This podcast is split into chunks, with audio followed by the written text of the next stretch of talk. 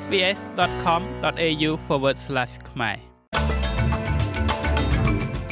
រដ្ឋ New South Wales និងរដ្ឋ Victoria ប្រកាសបន្ថយគម្លាតចាក់វ៉ាក់សាំងដូសជំរុញដល់ប្រជាជនមកនៅត្រឹម3ខែអ្នកដំណើរអន្តរជាតិដែលចាក់វ៉ាក់សាំងពេញលេញចូលមកក្នុងរដ្ឋ Queensland មិនតម្រូវឲ្យធ្វើចតាឡេសាទៀតទេនៅចុងសប្តាហ៍នេះបរិះម្នាក់ត្រូវចោទប្រកាន់ពីបទឃាតកម្មលើក្មេងស្រីអាយុ9ឆ្នាំដែលបាត់ខ្លួននៅ Blue Mountains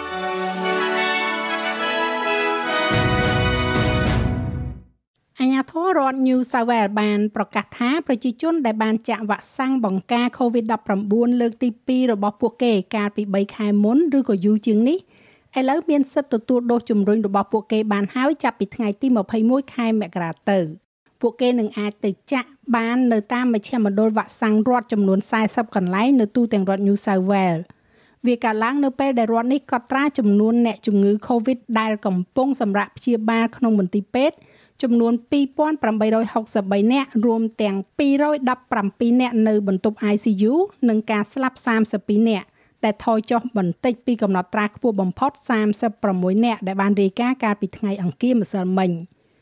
រដ្ឋ New South Wales ក៏បានកត់ត្រាការឆ្លងថ្មីចំនួន32,297ករណីផងដែរលោកអភិបាលរដ្ឋ Dominic Perrottet មានប្រសាសន៍ថាគម្លាតពេលវេលាចាក់វ៉ាក់សាំងខ្លីជាងមុននេះ គឺដោយសារតែការគម្រាមកំហែងកំពុងតែបន្តនៃ variant Omicron Today's decision ការសម្រេចថ្ងៃនេះនឹងអនុញ្ញាតឲ្យមនុស្សជាង3លាន5សែននាក់ទៀតនៅក្នុងរដ្ឋរបស់យើងមានសិទ្ធិទៅចាក់វ៉ាក់សាំងដូសជំរុញដោយដែលយើងកំពុងមើលឃើញយ៉ាងច្បាស់ថាដូសជំរុញគឺជាគន្លឹះនៅក្នុងការរក្សាខ្លួនអ្នកមិត្តភ័ក្តិនិងគ្រួសាររបស់អ្នកឲ្យមានសុវត្ថិភាព នៅទូទាំងប្រទេសប្រជាជនមានសិទ្ធិទៅចាក់វ៉ាក់សាំងលើកទី3បន្ទាប់ពីរយៈពេល4ខែក្រោយពីការចាក់លើកទី2រួចប៉ុន្តែរដ្ឋាភិបាលសហព័ន្ធបានប្រកាសថាវានឹងកាត់បន្ថយមកនៅត្រឹម3ខែចាប់ពីថ្ងៃទី31ខែមករាខាងមុខនេះទៅនៅឯរដ្ឋ Victoria បានចូលរួមជាមួយនឹងរដ្ឋ New South Wales ក្នុងការកាត់បន្ថយចន្លោះពេលវេលាសម្រាប់ការចាក់វ៉ាក់សាំងដូសជំរុញពី4ខែមកនៅត្រឹម3ខែវិញ នេះមានន័យថាប្រជាជនរដ្ឋ Victoria ប្រហែលជា1លាន2សែននាក់ឥឡូវនេះមានសិទ្ធិទៅចាក់វ៉ាក់សាំងបង្ការ COVID-19 លើកទី3របស់ពួកគេបានហើយមណ្ឌលចាក់វ៉ាក់សាំងនឹងរៀបចំព្រឹត្តិការណ៍ Booster Blee រយៈពេល4ថ្ងៃដើម្បីលើកទឹកចិត្តអ្នកដែលមានសិទ្ធិឲ្យទៅទទួលវ៉ាក់សាំងដូសទី3លោកអភិបាលរដ្ឋ Daniel Andrews មានប្រសាសន៍ថាការផ្លាស់ប្ដូរនេះនឹងមានប្រសិទ្ធភាពភ្លាមៗ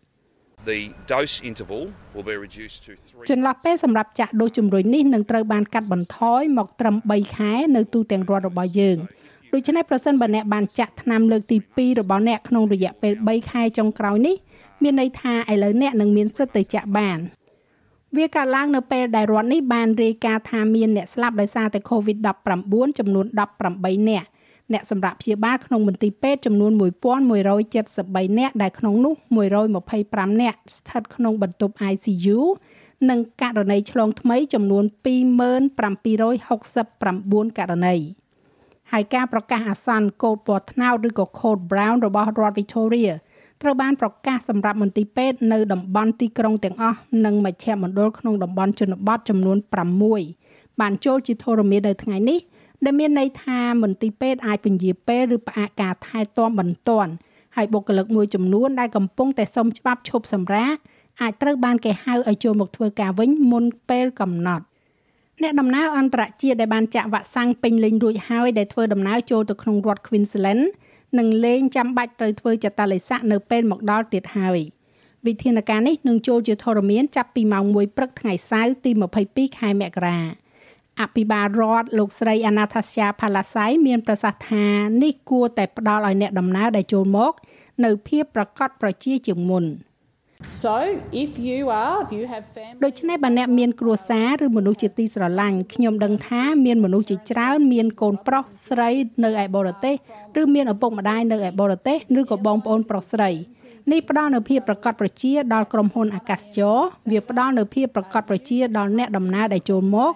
ដែលថាចាប់ពីថ្ងៃសៅរ៍ម៉ោង1ព្រឹកអ្នកអាចចូលមកក្នុងរដ្ឋ Queensland ហើយអ្នកនឹងមិនចាំបាច់ធ្វើចតាឡេសាក់ទៀតទេប្រសិនបើអ្នកបានចាក់វ៉ាក់សាំងបង្ការពេញលេញហើយ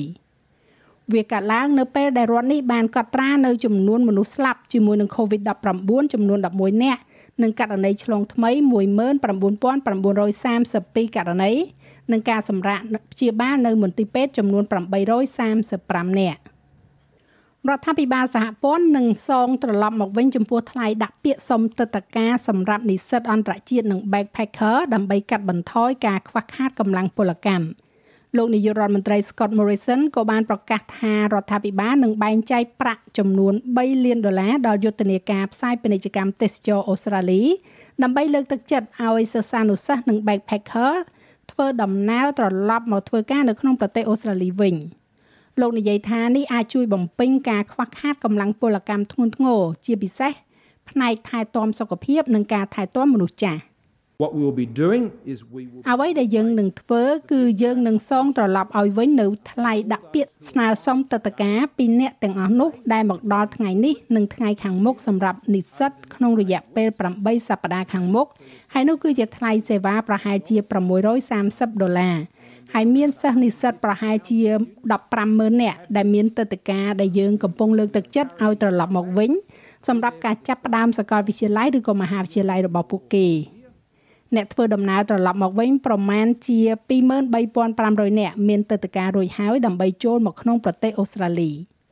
បរិមម្នាក់ត្រូវបានចោទប្រកាន់ពីបទឃាតកម្មលើក្មេងស្រីអាយុ9ឆ្នាំម្នាក់ដែលបានបាត់ខ្លួននៅ Blue Mountains អស់រយៈពេល5ថ្ងៃ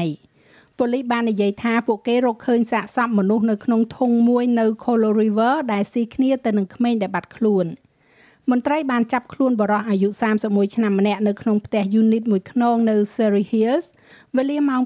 8:30នាទីយប់ថ្ងៃអង្គារហើយបានចោទប្រកាន់រូបលោកពីបទមនុស្សឃាតបរិះរូបនេះបានបង្ហាញខ្លួននៅឯតុលាការកណ្ដាលក្នុងតំបន់នៅថ្ងៃនេះជាទីដែលលោកត្រូវបានបដិសេធមិនឲ្យធានានៅក្រៅឃុំ ហើយឥឡូវនេះរូបលោកនឹងបន្តស្ថិតនៅក្នុងមន្ទីរឃុំឃាំងរហូតដល់មានសវនាការបន្ថែមទៀតនៅក្នុងខែមិនិនាស្នងការរងប៉ូលីស New South Wales Karen Webb មានប្រសាសន៍ថាការស្វែងរកតម្រុយនឹងបន្ត The investigation will be ongoing. ការស៊ើបអង្កេតនឹងបន្តធ្វើឡើង នៅមានរឿងជាច្រើនដែលត្រូវកំណត់ឥឡូវនេះវាស្ថិតនៅក្នុងដៃអ្នកធ្វើកសលវិច័យមូលហេតុនៃការស្លាប់និងការស៊ើបអង្កេតមួយចំនួនទៀត ដើមកញ្ឆាដែលមានតម្លៃជិត67លានដុល្លារត្រូវបានរឹបអូសពីអចលនទ្រព្យនៅជនបទមួយកន្លែងនៅភូមិខាងលិចរដ្ឋ New South Wales ក្នុងអ្វីដែលប៉ូលីសជឿថាជាការបង្ក្រាបទីតាំងដ៏ធំបំផុតរបស់ប្រទេសអូស្ត្រាលីក្រុមស៊ើបអង្កេតគ្រឿងញៀននិងអាវុធមន្ត្រីបង្ក្រាបនិងឆ្កែប៉ូលីសសម្រុកចូលទៅក្នុងទ្រព្យសម្បត្តិមួយកន្លែងនៅ Newell Highway ក្នុងទីក្រុង Dendry ជិត Kuna Barabran កាលពីព្រឹកថ្ងៃអង្គារ លោក John Watson មេបញ្ជាការក្រុមបង្ក្រាបគ្រឿងញៀននិងអាវុធនិយាយថាពួកគេបានរកឃើញដើមកញ្ឆាចំនួន19000ដើមដែលជាសហគ្រាសអាជីវកម្មដាំកញ្ឆាដ៏ធំបំផុតនិងច្រើនបំផុត ដែលបានរកឃើញដោយប៉ូលីសនៅក្នុងប្រទេសអូស្ត្រាលីនៅឯក្រៅប្រទេសឯណោះវិញអង្គការសហប្រជាជាតិបានថ្កោលទោសការវាយប្រហារតាមអាកាសដែលដឹកនាំដោយអារ៉ាប៊ីសាអូឌីដែលបានវាយប្រហារមកលើរដ្ឋធានីសាណាអារបស់យេម៉ែន ក្រុមឧទានហ៊ូទីរបស់ប្រទេសយេម៉ែនបាននិយាយថាការវាយប្រហារកាលពីយប់ថ្ងៃច័ន្ទ17មករាបានសម្លាប់មនុស្សយ៉ាងហោចណាស់12នាក់ហើយកាលពីថ្ងៃអង្គារយឺមែនបានរុករកតាមគំនរបាក់បែកដើម្បីស្វែងរកអ្នកដែលនៅរស់រានមានជីវិតដោយសាក់សីនិងសាច់ញាតិនិយាយថាជនស៊ីវិលស្ថិតក្នុងចំណោមអ្នកស្លាប់ហើយនៅមានមនុស្សបាត់ខ្លួននៅឡើយ ការវាយប្រហារតាមអាកាសនេះបានវាយប្រហារចំផ្ទះមន្ត្រីយោធាជាន់ខ្ពស់ម្នាក់ដែលត្រូវបានសម្លាប់រួមជាមួយនឹងប្រពន្ធនិងកូនប្រុសរបស់គាត់វាបានកើតឡើងបន្ទាប់ពីមានការវាយប្រហារមួយដែលមានមនុស្សស្លាប់កាលពីថ្ងៃច័ន្ទទៅលើរោងចក្រប្រេងមួយក្នុងរដ្ឋធានី Abu Dhabi របស់ប្រទេសអារ៉ាប់រួមដែលអះអាងឡើងដោយក្រុមឧទានហ៊ូទីដែលបានសម្លាប់មនុស្ស3នាក់និងរបួស6នាក់លោក Stephen Dujarric អ្នកនាំពាក្យរបស់អគ្គលេខាធិការអង្គការសហប្រជាជាតិលោក Antonio Guterres មានប្រសាសន៍ថាការវាយប្រហារតាមអាកាសដឹកនាំដោយអារ៉ាប៊ីសាអូឌីនេះគឺជារឿងគួរឲ្យអាណិតអាសូរណាស់នៅប្រទេសកម្ពុជាលោកនាយករដ្ឋមន្ត្រីបានប្រកាសថាអាស៊ានមិនមែនជាចំណាប់ខ្មាំងរបស់មីយ៉ាន់ម៉ានៅឡើយក្នុងពិធីបើកវេទិកាទេសចរអាស៊ានលើកទី40នៅខេត្តព្រះសីហនុកាលពីល្ងាចម្សិលមិញលោកនាយករដ្ឋមន្ត្រីហ៊ុនសែន ដែលជាប្រធានអាស៊ាននៅឆ្នាំ2022នេះ បានប្រកាសថាឆ្នាំ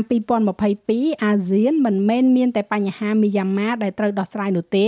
ហើយអាស៊ានក៏មិនមែនជាចំណាប់ខ្មាំងរបស់មីយ៉ាន់ម៉ាដែរហើយអាស៊ានមិនមែនជាចំណាប់ខ្មាំងនៃបញ្ហារបស់មីយ៉ាន់ម៉ានោះទេខ្ញុំសូមបញ្ជាក់ថារបៀបវិរៈនៃកិច្ចការអាស៊ានមិនមែនមានបញ្ហាតែមួយនោះទេគឺមានបញ្ហាច្រើនដែលត្រូវធ្វើ ចាស់លោកមេងផល្លានឹងជួនសេចក្តីរាយការណ៍លម្អិតនៅវគ្គក្រោយបន្ថែមទៀតឬលោកអ្នកអាចចូលស្ដាប់របាយការណ៍ពេញលើគេហទំព័រ sps.com.au/ ខ្មែរនៅក្នុងនេតិព័ត៌មានកីឡាវាយកូនបាល់ Tennis កីឡាករនីលំដាប់លេខ1ពិភពលោករបស់អូស្ត្រាលីនាង Ash Barty បានយកឈ្នះនៅក្នុងការប្រកួតជុំទី2នៃការប្រកួត Australian Open ដោយបាទីបានយកឈ្នះលើកីឡាករនីអ៊ីតាលី Luciana Bronzetti ក្នុង2សេតជាប់ជាប់គ្នា ក្រោមពិន្ទុ6ទល់នឹង1និង6ទល់នឹង1កីឡាករនីអ្នកស្រុក Queensland រូបនេះអាចនឹងត្រូវប្រកួតបន្ទាប់ជាមួយនឹងកីឡាករនីដែលត្រូវការពារពានរង្វាន់ជើងឯកឆ្នាំមុនរបស់នាងគឺកីឡាករនី Naomi Osaka ចំណែកឯអត្រាប្តូរប្រាក់វិញនៅថ្ងៃនេះ1ដុល្លារអូស្ត្រាលីមានតម្លៃ71សេន8ប្រាក់ដុល្លារអាមេរិកត្រូវនឹង2940រៀលប្រាក់រៀលខ្មែរ